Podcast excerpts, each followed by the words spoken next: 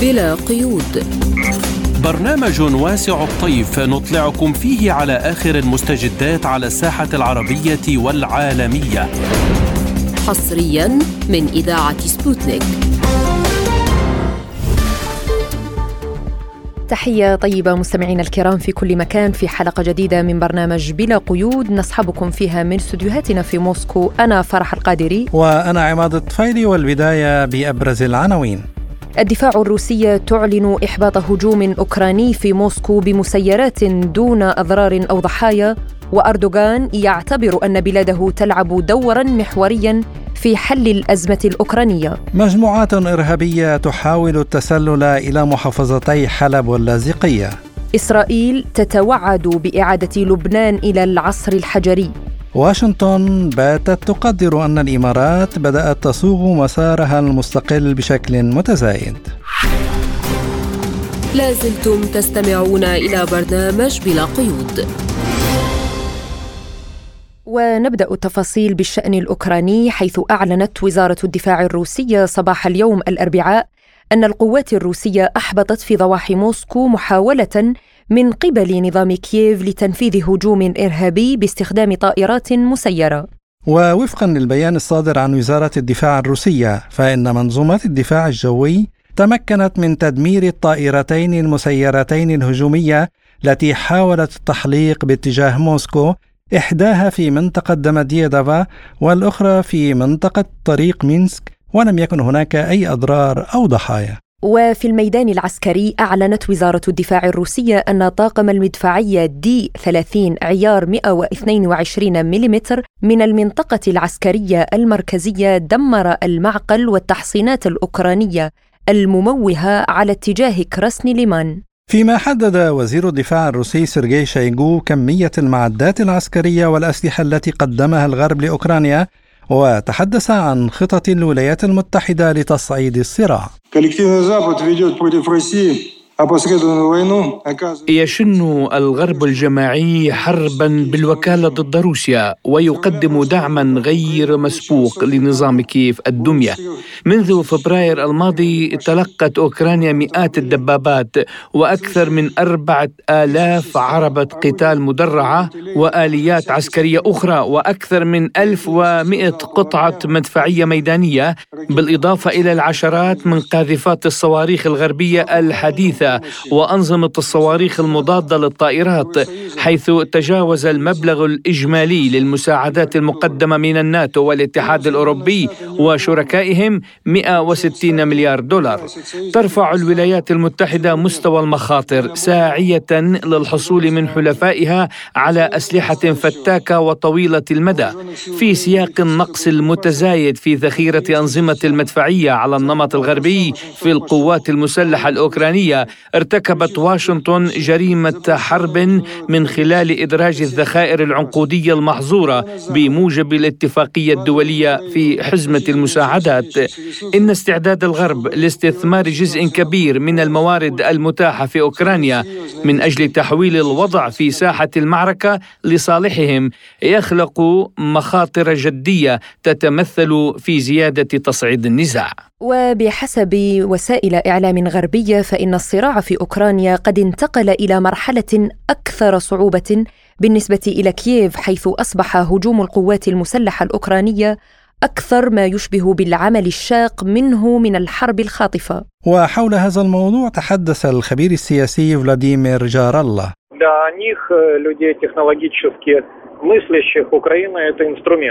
بالنسبة للولايات المتحدة أوكرانيا هي أداة والجنود الأوكرانيون هم بيادق في المجموعة التي تلعبها. كان من المفترض أن يظهر الهجوم المضاد الذي تم الترويج له على نطاق واسع.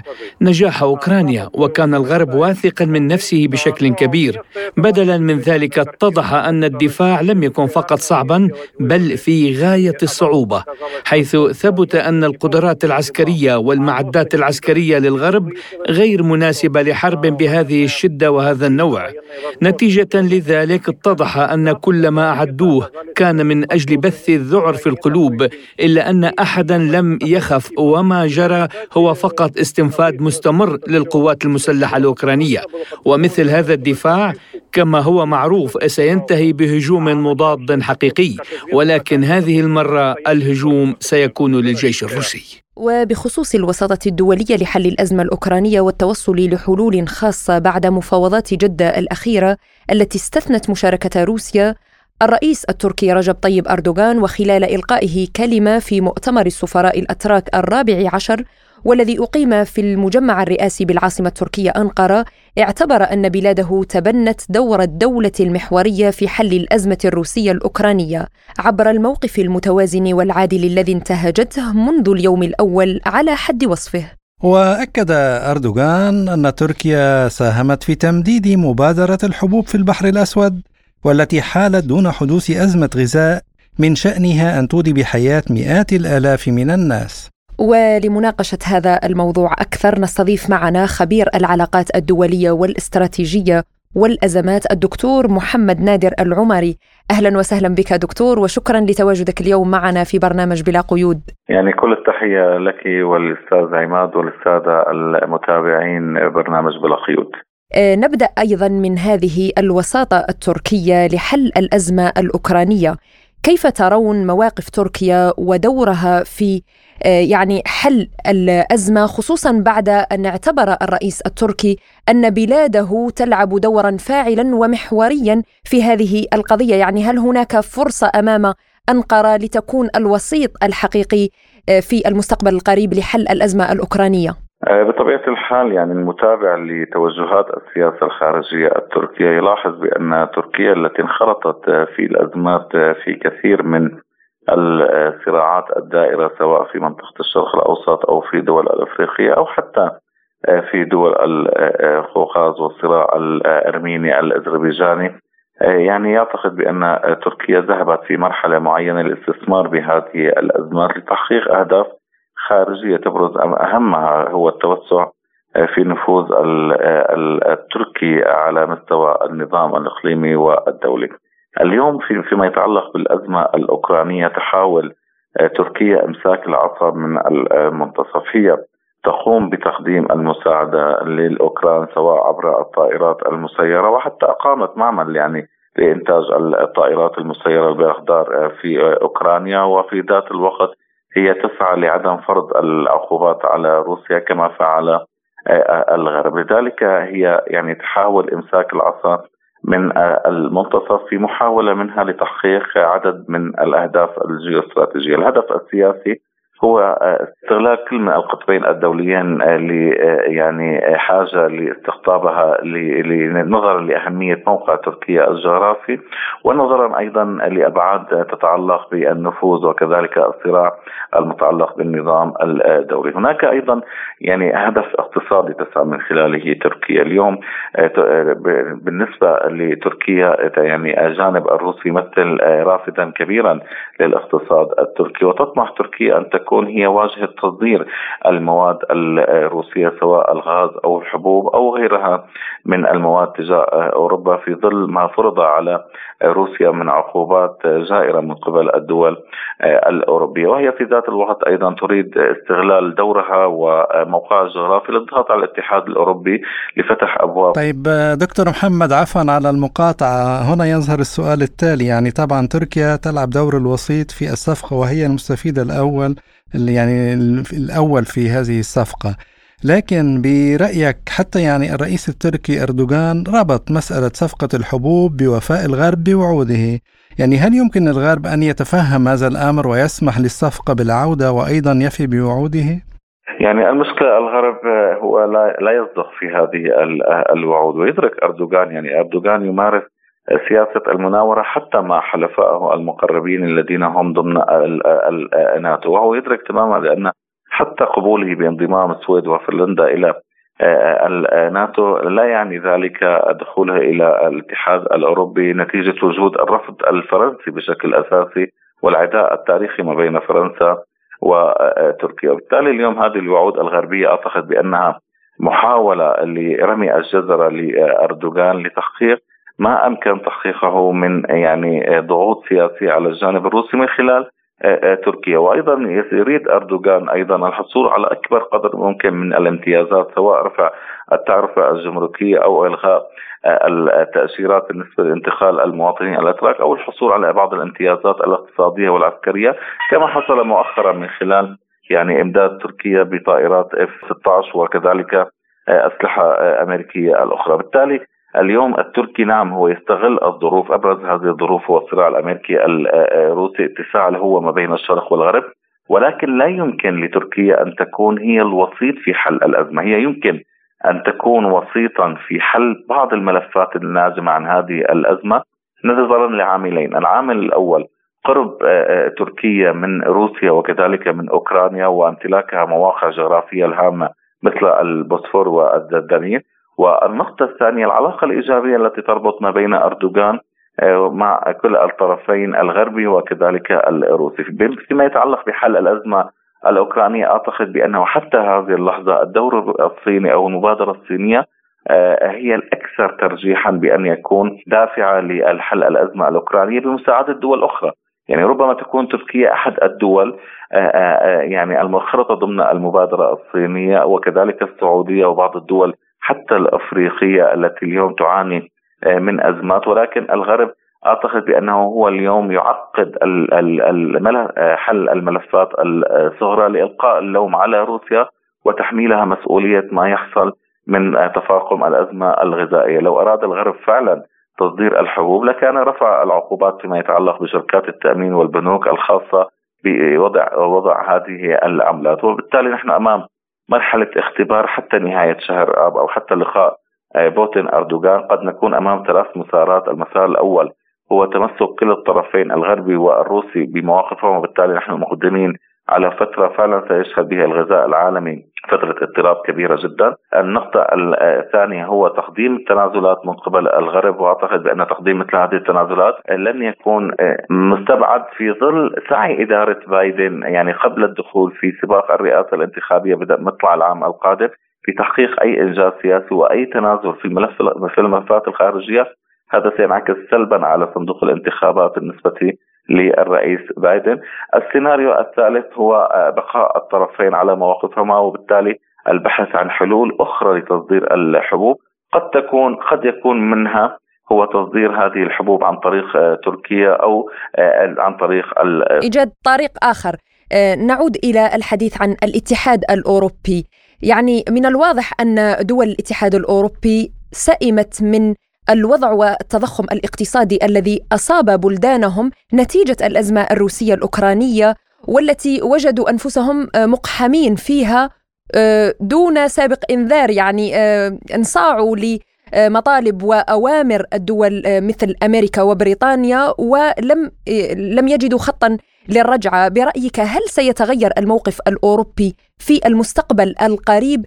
ويعني العودة إلى آه، الجانب الروسي الذي كان يوفر لهم الغاز بأقل الأثمان واليوم هم مطالبين أن يشترونه بأضعاف الثمن من الولايات المتحدة الأمريكية.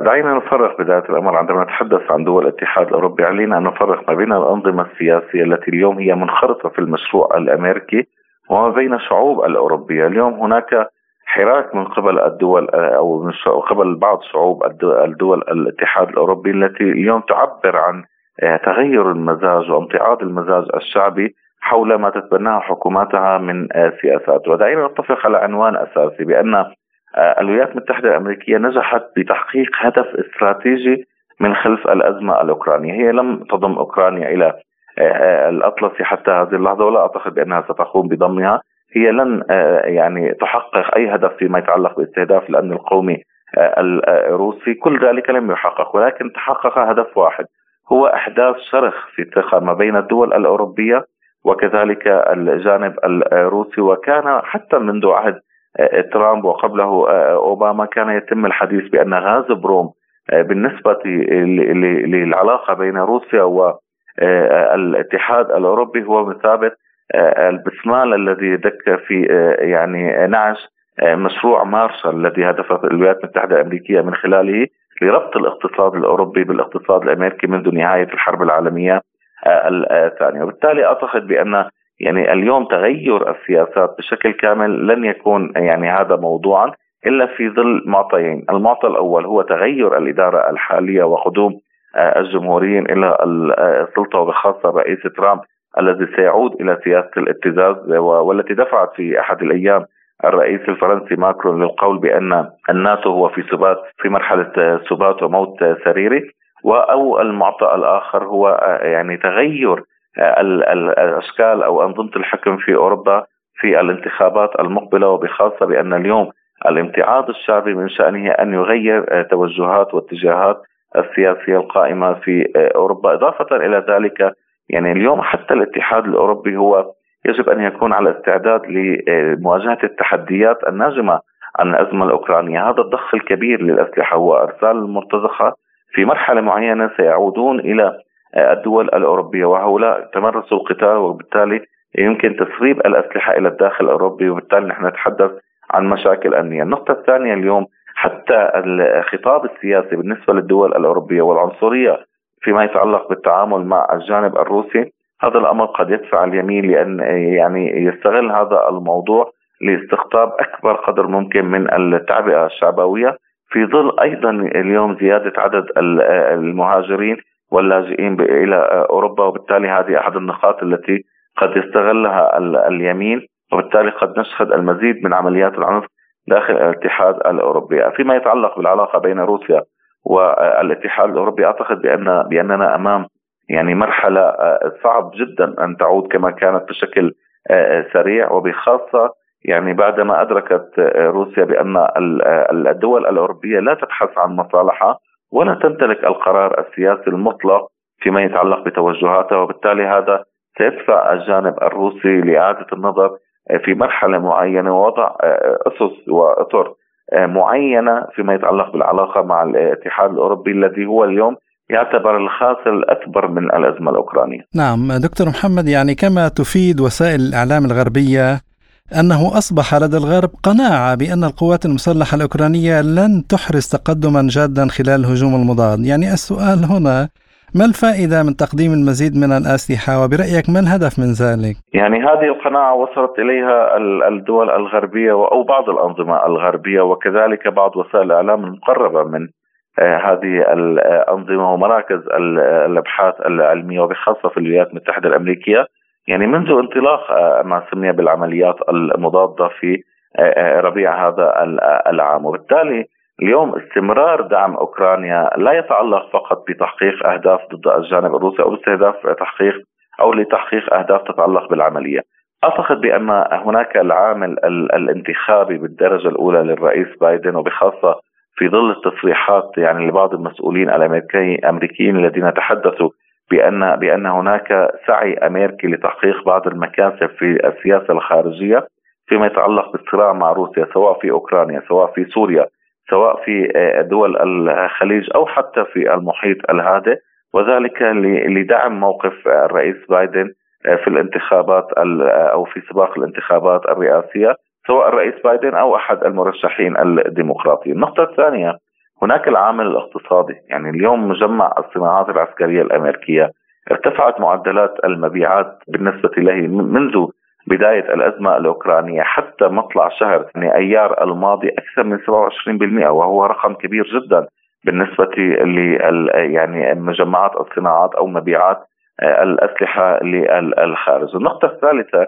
هم يسعون أو الولايات المتحدة الأمريكية وبريطانيا بشكل أساسي يسعون إلى استنزاف المقدرات الروسية قدر الإمكان في في هذا التوقيت. وكلما طالت أمد الأزمة كلما أدى ذلك إلى تعقيد العلاقة ما بين روسيا ودول الاتحاد الأوروبي. وبالتالي تضمن الولايات المتحدة الأمريكية على الأقل بان بأن يكون هذه العلاقة يعني في حالة توتر لعقود خلال الفترة القادمة. وبالتالي لا يمكن حصر آه، يعني توجه دعم آه، زيلينسكي فقط بالأسلحة لإعادة آه، يعني مناطق في عديدة استطاع الجيش الروسي من تحريرها ولكن لتحقيق أهداف أخرى منها اقتصادي ومنها ما يتعلق بالوضع الانتخابي ومنها ما يتعلق برسم معالم النظام الدولي. هناك نقطة في غاية الأهمية أيضا اليوم. أعتقد بأن جزء من مما يقدمه الغرب لأوكرانيا هو لإستعراض استعراض العضلات لإرسال رسائل مبطنة إلى الجانب الصيني فيما يتعلق بملف التايوان وبالتالي يعني منع الصين من إقدام على خطوه استعادة تايوان بهذا التوقيت نظرا لأهمية تايوان الاقتصادية وحتى العسكرية بالنسبة للأطلس.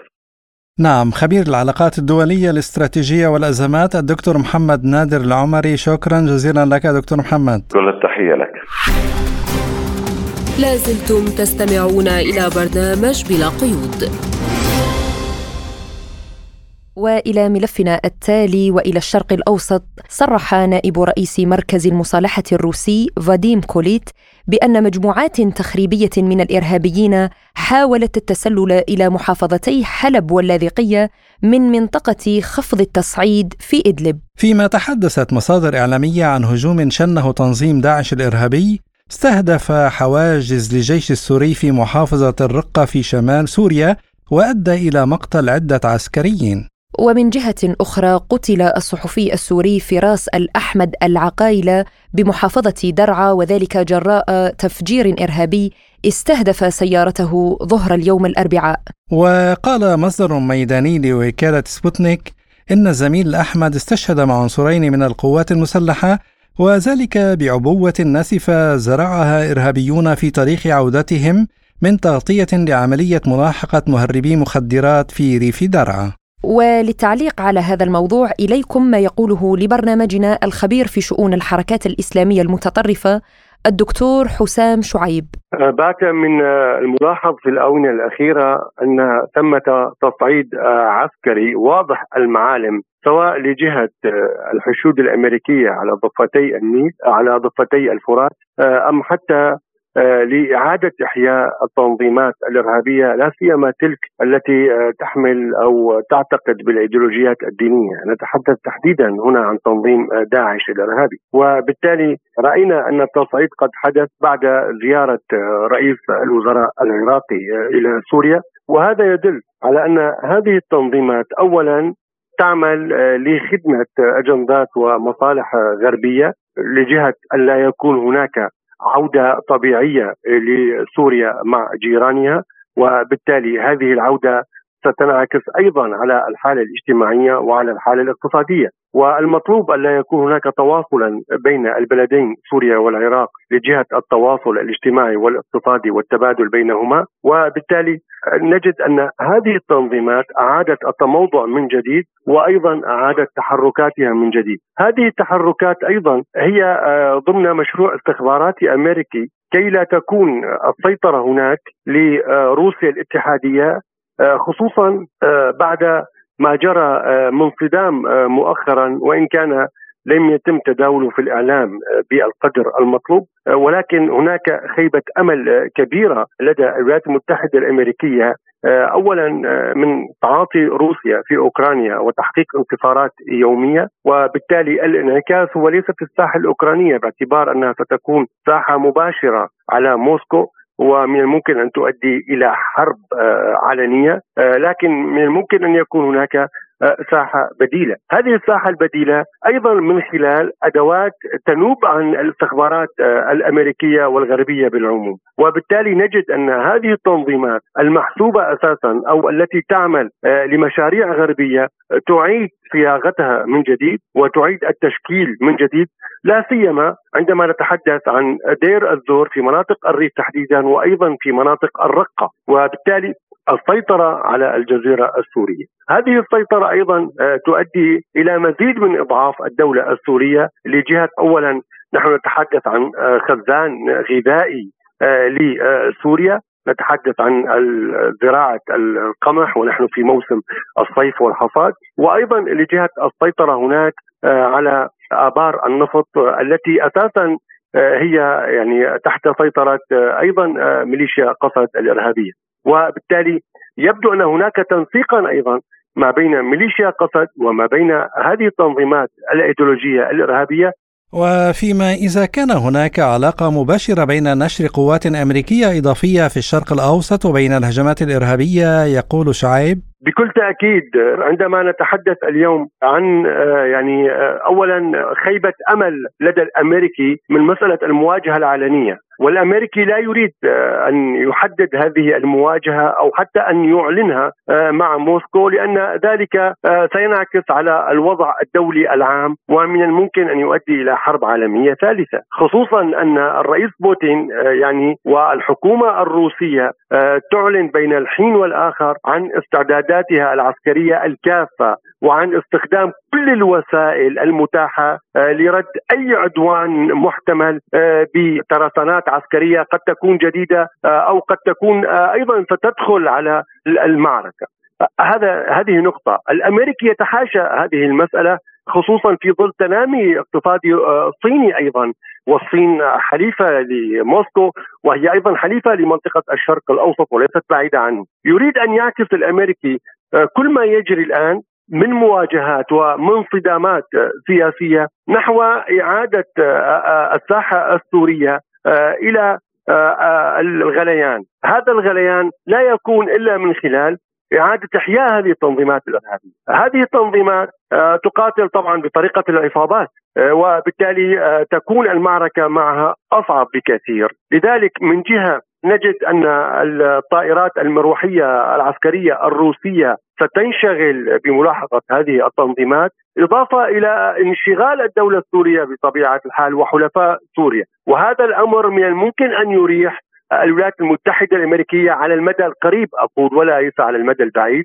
وأن يخلق فرصة باعتقاد الأمريكي أنه من الممكن أن يستثمرها في السياسة أو حتى في الحالة العسكرية إما في سوريا أو حتى في أوكرانيا.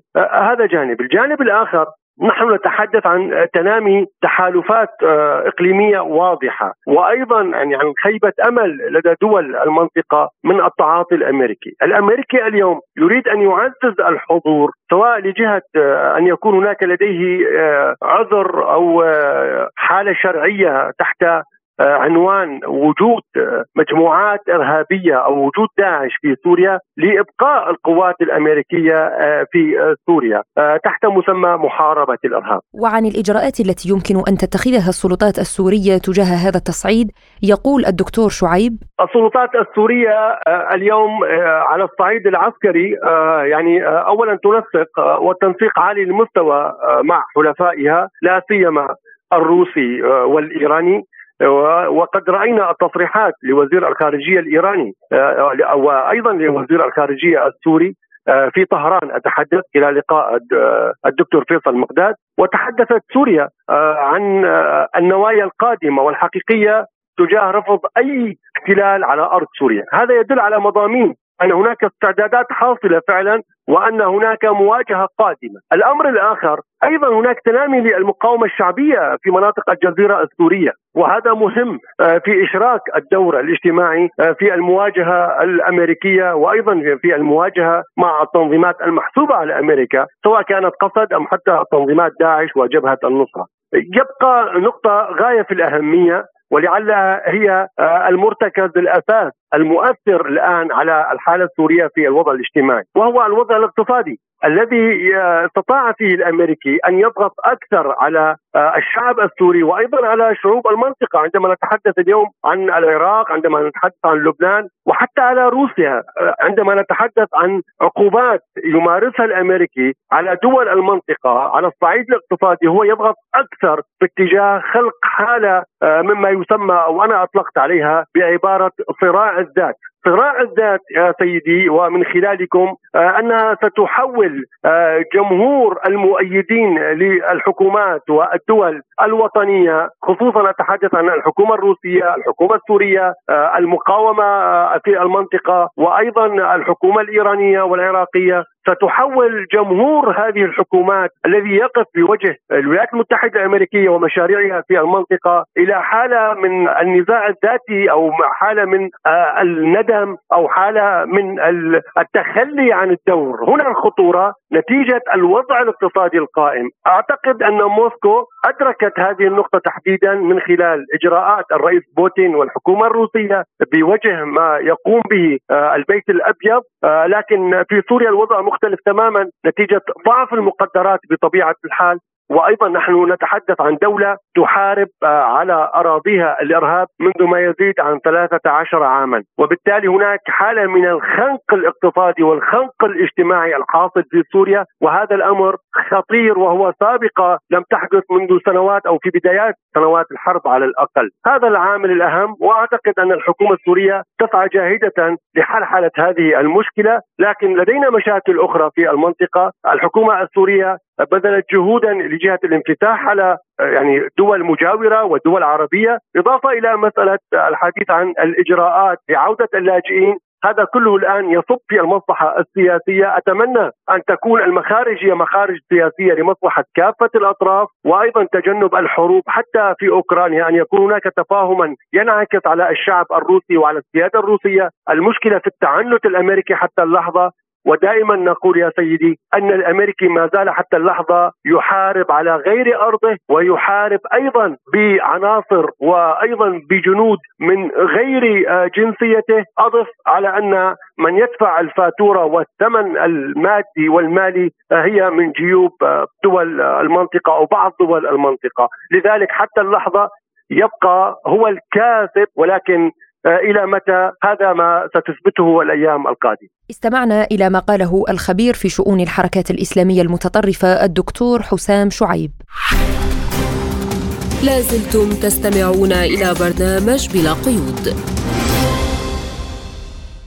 وفي لبنان أجرى وزير الدفاع الإسرائيلي يواف جالانت زيارة للحدود مع لبنان والتقى بقيادة الجبهة الشمالية للاطلاع على الأوضاع الأمنية وفي تصريحات له من المنطقة حذر جالنت حزب الله اللبناني من ارتكاب أي خطأ متوعدا بأن تل أبيب مستعدة للرد على جميع التهديدات التي يشكلها حزب الله اللبناني وكجزء من الدفاع عن النفس يمكنها إرسال لبنان إلى العصر الحجري. وللتعليق على هذا الموضوع إليكم ما يقوله لبرنامجنا وزير الخارجية اللبناني الأسبق عدنان منصور. مجرد هو دائما تلويح بالتهديد والتهويل ليس أكثر. يعني إسرائيل تعرف أنه أي عمل عسكري أي عدوان ستقوم به يعني ستلقى الرد المناسب وهي تعرف ذلك لأن يعني قدرات المقاومة اليوم تختلف عما كانت عليه سنة 2006 وسنة 2006 قدرات المقاومة تختلف عما كانت عليه سنة 2000 وما قبل 2000 إذا هناك يعني توازن في القوة وإن كانت إسرائيل تملك آه، الكثير من أسلحة الدمار. ولكن ذراع المقاومة ليست آه، مشلولة. ذراع المقاومة تصال كل بقعة في إسرائيل. إذا ليس من آه، صالح إسرائيل أن تقوم بأي عمل عدواني. وأيضا لبنان فيما يتعلق بلبنان لم ليس هو البادئ بالاعتداءات إنما إسرائيل هي التي كانت دائما تبدأ بالاعتداءات واليوم الوضع على الحدود هو وضع آه، ثابت. أما رغم إن هناك العديد من الخروقات البرية والبحرية والجوية من قبل إسرائيل، إسرائيل لم تحترم القرار 1701 هي دائما تقول أن لبنان لا يلتزم بال يعني عدد الخروقات البرية والبحرية والجوية تجاوزت 17 ألف فرق من سنة 2006 وأيضا أمس اليوم كان هناك خروقات بحرية من قبل الإسرائيليين. إذا ما يقوله العسكريون الإسرائيليون كان وزير الدفاع أو غير وزير الدفاع لبنان تعود أن يسمع هذا الكلام وهو يدخل من باب الإطار التحويل. وهذا التهويل لا يخدم لبنان ولا يعني لا يؤثر على لبنان هذا التهويل لأن لبنان بجيشه ومقاومته يعرفون جيدا آه، أن يتوجب عليهم عند أي عمل عدواني سيلقنون العدو الدرس المناسب. لذلك آه، لا أتصور أن هذه التصريحات ستمهد لعمل آه، عسكري إسرائيلي أو لاعتداء إسرائيلي جديد. وعن احتمال أن تكون هذه التهديدات الإسرائيلية كتنفيس عن الاحتقان الداخلي وإلهاء الرأي العام الإسرائيلي عن مشاكله الداخلية يقول الوزير منصور.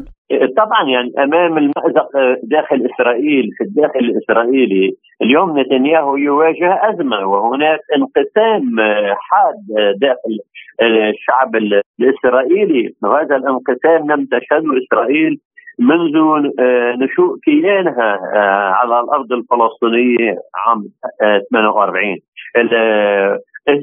يريد يعني القادة الإسرائيليين إن كان نتنياهو أو وزير الدفاع أو القادة العسكريين أن يحركوا دائما الجبهة الشمالية ليقولوا أن هناك ما يهدد إسرائيل من أجل تكاتف الاسرائيليين فيما بينهم. ولكن هذا الأمر أصبح مكشوفا. والتصريح الأخير لوزير الدفاع ليس هو التصريح الأول ولا الأخير من قبل القادة الاسرائيليين نحن من سنوات منذ عام 2006 ونسمع باستمرار من آن إلى آخر تلويح بالتهديد وأيضا مناورات عسكرية على الحدود الفلسطينية اللبنانية. هذا هذا الأمر كله لا يؤدي إلى ما يحبط اللبنانيين مطلقا. وعن إمكانية أن يتدخل المجتمع الدولي أو دول أخرى في المنطقة لتهدئة الأمور بين لبنان وإسرائيل يقول منصور بالنسبة للبنان لبنان ملتزم بالقرار 1701 ولبنان لم يقوم بعمل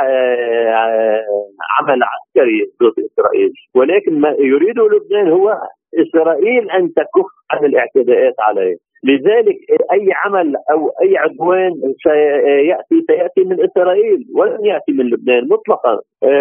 وإسرائيل تدرك جيدا أنها أي عملية عسكرية ستقوم بها. رغم كل التهديد وما يقول وزير الدفاع انه سيعيد لبنان إلى القرون الوسطى. يعني هذا أمر لا ينفع مع لبنان كشعب وكمقاومة. اذا إسرائيل تعرف حدودها ولا أتصور أنها ستقوم بعمل عدواني لأنها ستدفع الثمن غالي وحتى أن الإعلام الإسرائيلي الصحافة الإسرائيلية والسياسيين دائما يذكرون إسرائيل من ان من أنها في وضع إذا ما نشبت حرب مع لبنان ستنقطع عنهم الكهرباء وسيدمر أشياء كثيرة داخل إسرائيل يعني هذه الأمور العمل العسكري أو العدوان الإسرائيلي إذا ما قامت به إسرائيل أي عدوان سيترتب عنه يعني مضاعفات في الداخل الإسرائيلي. هل ستتحمل إسرائيل خاصة وهي تشهد في الوقت الحاضر ازمه حادة أن تذهب إلى معركة أو تذهب إلى حرب؟ لا أتصور ذلك. في حال في حال حصول إنه أن تقوم إسرائيل باعتداء أو بعمل عسكري كبير من يضمن أن هذا العمل سيقتصر بس على الجانب اللبناني الاسرائيلي ربما هناك تنخرط جهات أخرى ربما تتوسع الحرب آه، على صعيد المنطقة ككل هل تتحمل إسرائيل هذا؟ لا اتصور، أو هل الوضع الدولي يسمح بهذا؟ خاصة وأنه اليوم هناك مواجهة في أوكرانيا وهناك توتر في جنوب شرق آسيا وهناك أيضا توترات في المنطقة المشرقية. لذلك آه، من أتصور أن هذا من دروب الانتحار إذا ما قامت إسرائيل بأي عمل عدواني. استمعنا إلى ما قاله لبرنامجنا وزير الخارجية اللبناني الأسبق عدنان منصور. لازلتم تستمعون إلى برنامج بلا قيود. وننتقل إلى ملفنا التالي والعلاقات الإماراتية مع الجانبين الروسي والصيني وتحديات الهيمنة الأمريكية على قرارات الدول الخليجية في تعاملاتها مع موسكو وبكين. تخوف أمريكي من طبيعة العلاقات الإماراتية الروسية والصينية في ظل التحولات العالمية والاقتصادية نحو عالم متعدد الأقطاب ومحاولة غربية مستمرة للهيمنة على شعوب الشرق الأوسط وأفريقيا. تقارير غربية أفادت بأن واشنطن باتت تقدر أن الإمارات بدأت تصوغ مسارها المستقل بشكل متزايد وذكرت التقارير أن المسؤولين الأمريكيين حققوا نجاحا محدودا في إقناع ابن زايد بالانسجام مع السياسة الخارجية للولايات المتحدة لا سيما عندما يتعلق الأمر بالحد من العلاقات العسكرية الصينية وعزل روسيا. ولمناقشة هذا الموضوع أكثر نستضيف معنا الخبير بالشؤون الاقتصادية الخارجية الدكتور علي الهيل. أهلا بك وشكرا لتلبية الدعوة دكتور علي. يعني دعني أبدأ من هذا التقارب الإماراتي مع الجانبين الروسي والصيني في ظل التخوف الغربي من ذلك على مصالحه. الإمارات والسعودية وقطر ودول الخليج بدرجات متفاوتة تدعم اليوم عالم متعدد الاقطاب لسبب بسيط واحد. بصرف النظر عن التفاصيل. القطب الواحد الذي تتزعمه أمريكا وبريطانيا تغولتا في العالم ولا سيما في العالم العربي وفي الشرق الأوسط. دعيني أعطيك مثالا واحدا فقط. نعم. ما تزال الذاكرة العربية ذاكرة الشعوب على الأقل الذاكرة السياسية الرسمية لديها توازنات إقليمية ودولية ولديها بروتوكولات ولديها ولديها قد نعذرها. ولكن ذاكرة الشعوب العربية ما تزال تختزن تصريح مادلين أولبرايت وزيرة الخارجية الأمريكية السابقة عندما سألتها المذيعة أمان بور على شاشة السي إن إن أنتم قتلتم أكثر من 500 ألف طفل عراقي فردت عليها مادلين أولبرايت بقولها it is worth it. المسألة مستاهلة. يعني الولايات المتحدة الأمريكية صاحبة القطب الواحد منذ العام 1991 انهيار الاتحاد السوفيتي السابق التي تدعي حماية حقوق المرأة وحماية حقوق الطفل وحماية وحماية وتعزيز الديمقراطية وإنشاء الديمقراطية في العالم. ولا سيما العالم العربي والشرق الأوسط وزيرة خارجيتها تقول مثل هذا الكلام. اذا الولايات المتحدة الأمريكية بصراحة ليست مؤهلة لقيادة العالم. وهذا القطب الذي تتزعمه هي مع آه، بريطانيا دخلتا العراق من غير تفويض من الأمم المتحدة ومن مجلس الأمن. وقتلوا أكثر من مليوني طفل عراقي. والرئيس الأمريكي ترامب بصرف النظر عن الدوافع بعد أن خرج من سدة السلطة في البيت الأبيض. قال قال نحن لسنا أبرياء. We are not innocent. نحن لسنا أبرياء. نحن أيضا قتلنا أكثر من هو لم يقل مليوني هو قال أكثر من مليون طفل مليون إنسان عراقي. والأولبراد قالت نحن قتلنا أكثر من 500 ألف طفل عراقي. فما فما العيب في ذلك؟ وإت إز ورث المسألة مستاهلة. لهذه لهذا السبب ولغيره من الأسباب مثل الإملاءات الأمريكية والبريطانية على دول الخليج. افعلوا كذا ولا تفعلوا كذا. كأن دول الخليج أطفال. لا دول الخليج شبت عن الطوق. فلم تعد طفولية ولم تعد طفلا ولم, ولم يعودوا أطفالا. نعم يعني دكتور علي هل برأيك ستحاول الولايات المتحدة الأمريكية ممارسة سياسة الضغط على الإمارات لتحقيق أهدافها في عداء روسيا والصين بشكل أكثر طبعا لا يعجب الأمريكيين ولكن ولا هذا الزمن الذي تقول فيه أمريكا للإمارات وللسعودية ولقطر ولعمان حتى المعروفة بمواقفها الوسطية وللكويت. آه، لا تذهبوا إلى أي أحد تعالوا ليشتروا بضاعتي فقط مني أنا لا تشتروا بضاعات الآخرين حتى ولو كانت بضاعتي أنا أغلى من بضاعة الاخرين ب 200 في المئة. أما عن الفرض فهي قد فرضت ذلك. عندما وضعت ثلاثة آلاف جندي وبحار آه، أمريكي على متن سفن أمريكية تحت دعوة بدعوة أنا لا أقول أقول بدعوة بحجة أنه والله نمنع الإيرانيين من مصادرة السفن التجارية. لا ليس لهذا السبب لكي يقولوا لدول الخليج نحن هنا. ونحن نستطيع أن نضربكم ونصيبكم في مقتل. ولكن هذا كله آه لم يعد يخيف الخليجيين. خلاص الطفل شب عن الطوق ولم يعد في حاجة إلى وصاية من بين قوسين من آبائه السياسيين. نعم دكتور علي يعني ما المجالات التي ستتأثر بالتعاون بين روسيا والإمارات؟ لا القيود على الجانب الروسي لم تجدي نفعا بدليل بدليل. رغم كل الأسلحة ورغم الذخائر العنقودية المحرمة دوليا ورغم كل المليارات التي صبت في الخزينة الأوكرانية الهجوم الأوكراني المضاد هجوم بطيء وهجوم لم يحقق شيئا يذكر وما تزال روسيا منذ 24 شباط فبراير 2022 إلى هذا اليوم هي تسيطر على أكثر بقليل من 20% من الأراضي الأوكرانية. ولذلك يعني القيود المفروضة من قبل أمريكا ودول الناتو بالتحديد أمريكا يعني الولايات المتحدة الأمريكية وبريطانيا يعني هم وجهان لعملة واحدة. على روسيا لن تؤثر سلبا في الدعم أو في العلاقات التجارية والاقتصادية والمالية وغيرها بين دول الخليج بدرجات متفاوتة. وهنا نحدد جغرافية النقاش بالإمارات العربية المتحدة لأن دول الخليج قالت لأمريكا منذ زمن بعيد نحن لدينا خط رجعه إذا أنتم لم تتوقفوا عن مواقفكم المتصلبة تجاه الفلسطينيين ودعم هذه الحكومة الأكثر تطرفا. مع أني أنا لا أؤمن بهذا الكلام. منذ بن غوريا 1948 إلى هذا اليوم والحكومات الصهيونية كلها حكومات متطرفة ومتطرفة جدا جدا جدا. ولكن في التصنيف السياسي الحالي وبالمقارنة مع الحكومات السابقة يقولون إن الحكومة الحالية اللي فيها ائتمار بالكفير ها هي حكومة من الحكومات الأكثر تطرفا.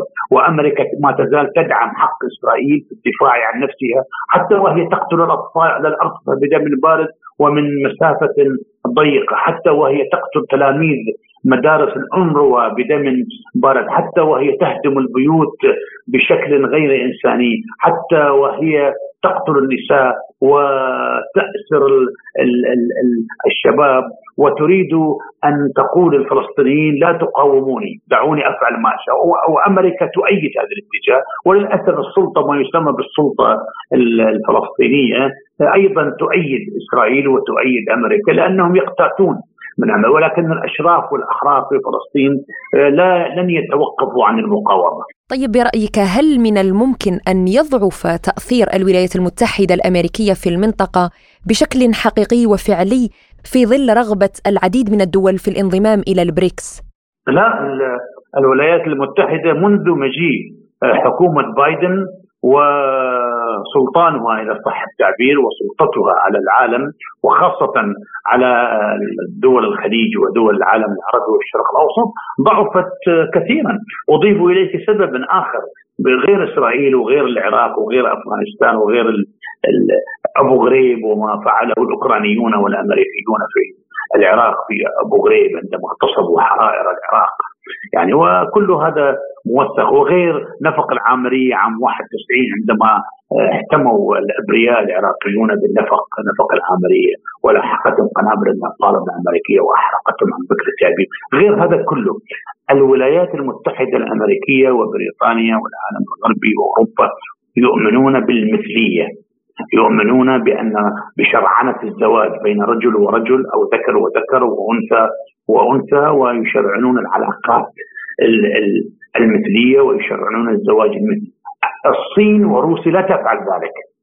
على على العكس الروس، الروس يقتلون هؤلاء الناس ويعتبرونهم سرطانات، وهنا نقطة التقاء كبيرة بين العرب والشرق أوسطيين والمسلمين وروسيا والصين، وهذا شرعنة الزواج المثلي في أمريكا والعالم الغربي واوروبا هو أحد أهم الأسباب الذي جعل الشعوب العربية والحكومات العربية اضطرت للاستجابة للشعوب العربية أن تتخذ موقفا مناكفا أو معارضا للولايات المتحدة وبريطانيا وأوروبا وما يسمى بدول الناتو ما عدا تركيا طبعا. ماذا يمكن أن تكون العواقب سواء على الجانب الاقتصادي أو العسكري ومجالات التعاون الأمني؟ لا لا أعتقد أن الولايات المتحدة الامريكيه ستفرض عقوبات اقتصادية على الإمارات أو على السعودية أو على أو على قطر. هي أذكى من ذلك يعني. هي تريد أن تحتفظ. ودول الخليج قالوها بصراحة. قالوا نحن لا نريد أن نضحي بعلاقاتنا التي عمرها 80 سنة فيما يتعلق فيما يتعلق بالسعوديه على سبيل المثال علاقات استراتيجية لمده 80 سنة. ولكننا نريد أن نتوازن ومن حقنا من حق قطر والإمارات والسعودية أن توازن علاقاتها مع الشرق والغرب. من حقها ذلك. أمريكا تريد أن تمنعها من أن تستمتع بهذا الحق. وهذا ضد الديمقراطية وأمريكا تتشدق بالديمقراطية وبالرأي المستقل. نعم نشكرك الخبير بالشؤون الاقتصادية الخليجية الدكتور علي الهيل. كنت معنا ضيفا عزيزا في بلا قيود. لازلتم تستمعون إلى برنامج بلا قيود. وفي الشأن الاقتصادي قال وزير الخارجية الإيراني حسين أمير عبد اللهيان إن بلاده تتمتع بمكانة جيوسياسية وموقع جغرافي متميز بما يجعل منها شريكا جديرا بالثقة ومؤثرة في مجال التعاون الثنائي والمتعدد الأطراف مع مجموعة بريكس. وقال حسين أمير عبد اللهيان إن مجموعة البريكس التي تضم كلا من البرازيل وروسيا والهند والصين وجنوب إفريقيا لديها القدرة على أن تصبح رابطة تكامل عالمية. ولمناقشة هذا الموضوع أكثر نستضيف معنا الخبير بالشؤون الإيرانية الدكتور صالح القزويني. أهلا وسهلا بك وشكرا لتواجدك معنا في بلا قيود. حياكم الله. أهلا ومرحبا بكم وبكل المستمعين الكرام. نبدأ معك من مدى صحة يعني الرؤية المستقبلية لأن تصبح مجموعة البريكس رابطة تكامل عالمية. أه، بسم الله الرحمن الرحيم، يعني أه، إيران أه، تبذل جهود حثيثه لكسر التفرد التفرد بعض القوى بالعالم سيطرتها على العالم سواء كان سيطرة سياسية أو سيطرة اقتصادية خاصة أنه الكثير من الدول المستقلة والتي تسعى ليكون قرارها مستقلا. آه، عانت كثيرا مجرد أنه تتخذ أي قرار اقتصادي أو سياسي. ترى أن هناك آه، سيفا مسلطا عليها من بعض القوى آه، العالمية وخاصة الولايات المتحدة الأمريكية. اليوم العالم يشهد أن السياسات التي تفرضها الولايات المتحدة الأمريكية تعد آه، شبه سيف على الدول التي تريد أن تتخذ قرارا مستقلا. إلى أي مدى تستطيع إيران أن تحقق هذا الهدف؟ والى أي مدى تتمكن إيران من من تحقيق هذا الهدف بالتأكيد إن الأمر يتوقف على تعاون سائر الدول خاصة أننا نشهد وجود حركة واسعة وتذمر واسع من قبل العديد حتى الدول الحديثة للولايات المتحدة نتيجة تسلطها ونتيجة استفرادها آه، بالعالم وفرض سياساتها على دول العالم لذلك هو مسعى تبذل ايران جهود واسعة لتحقيقه وتتمنى أن يتحقق ذلك خاصة أن هناك وعي دولي بضرورة آه، تعددية الأقطاب سواء كانت هذه الأقطاب سياسية أو اقتصاد. نعم يعني أستاذ صالح آه، العديد من الدول أبدت وأعربت عن رغبتها في الانضمام إلى هذا الحلف الاقتصادي الجديد لبريكس. برأيك ما الفوائد التي يمكن أن تجنيها هذه البلدان في حال توسع البريكس؟ يعني كما قلت في مقدمة هذه الفوائد أنها تكسر التفرد التفرد العالمي والقطبية العالمية والتي غالبا تحدد مصير الكثير من الدول. كذلك الحال إنها فرصة آه، لتطوير آه، اقتصاديات الدول وعدم احتكارها آه، وحكرها على دول معينة. يعني بالتأكيد أنه عندما يكون هناك لقاء ويكون هناك تلاقي بين الدول إن هذا سيضفي تجارب وسيكون هناك تبادل لتجارب صناعية تقنية علمية بين الدول. وبالتالي ربما تكون لإيران تجربة أو تفوق في مجال آه، ليست دولة أخرى في البريكس في البريكس آه، متفوقة في ذلك.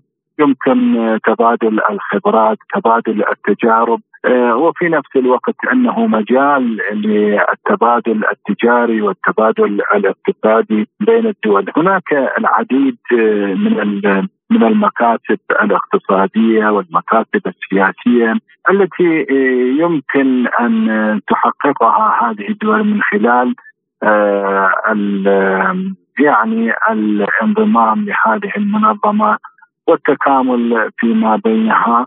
وأعتقد أنه آه، في مقدمة هذه المكاسب هي المكاسب السياسيه واعني بالذات يعني الخروج من الهيمنة الغربية على تلك الدول. أستاذ صالح يعني هل سيؤدي هذا إلى الإخلال بالتوازن الهش بالفعل في الأسواق العالمية؟ يعني ما نشهده حاليا هو الخلل بعينه، خلل في التجاره العالمية ما نشهده هو أن هناك سياسه وشروط وقوانين تضعها بعض الدول على التجارة، من المفروض أن تكون هناك تجارة حرة التجارة الدولية حرة ولكن للأسف هذا لا نشهده.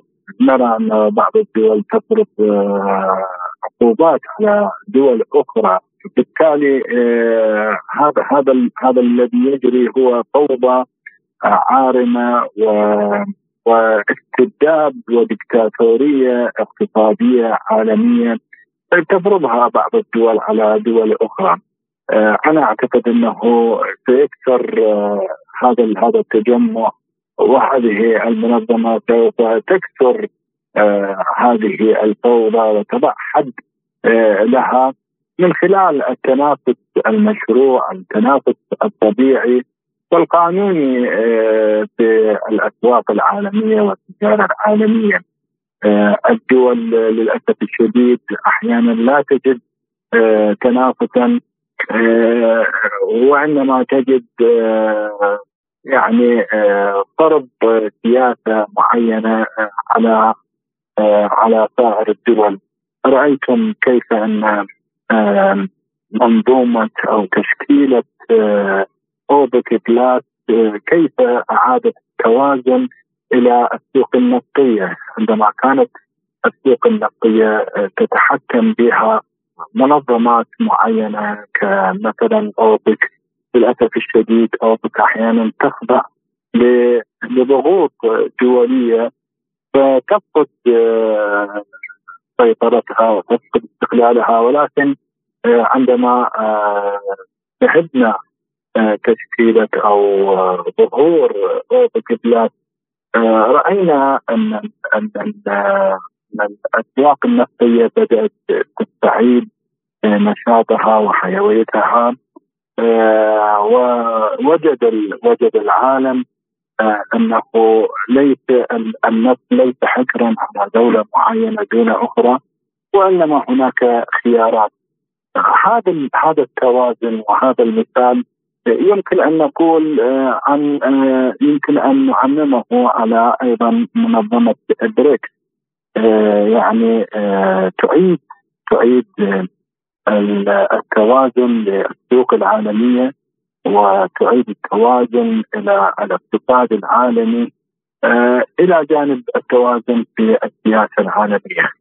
وجود هيمنة من قبل دول معينة آه، تسبب في فوضى عارمة في الأسواق آه، في حتى في بعض الدول خاصة عندما فرضت على تلك الدول العقوبات الجائرة والظالمة. نعم يعني في الحال في إيران وسوريا والكثير من الدول. نعم يعني في سؤال أخير أستاذ صالح برأيك هل سيصبح حلف البريكس طرفا معارضا لحلف الناتو وتكون هناك مواجهة بين الطرفين؟ يعني من السابق لاوانه القول بذلك ولكن العالم يتجه بهذا الاتجاه يعني العالم اليوم ليس كما هو الحال آه، قبل عشر سنوات أو أكثر من عشر سنوات عندما لم يكن أحد يجرأ ليتخذ قرارا مستقلا سواء كان هذا القرار اقتصادي أو سياسي أو غير ذلك. ولكن العالم بدأ يتغير. القوى العالمية بدأت تفقد نفوذها تفقد سيطرتها أعتقد هذه مؤشرات آه، تدلل على أنه آه، تدلل على ظهور آه، قوى عالمية.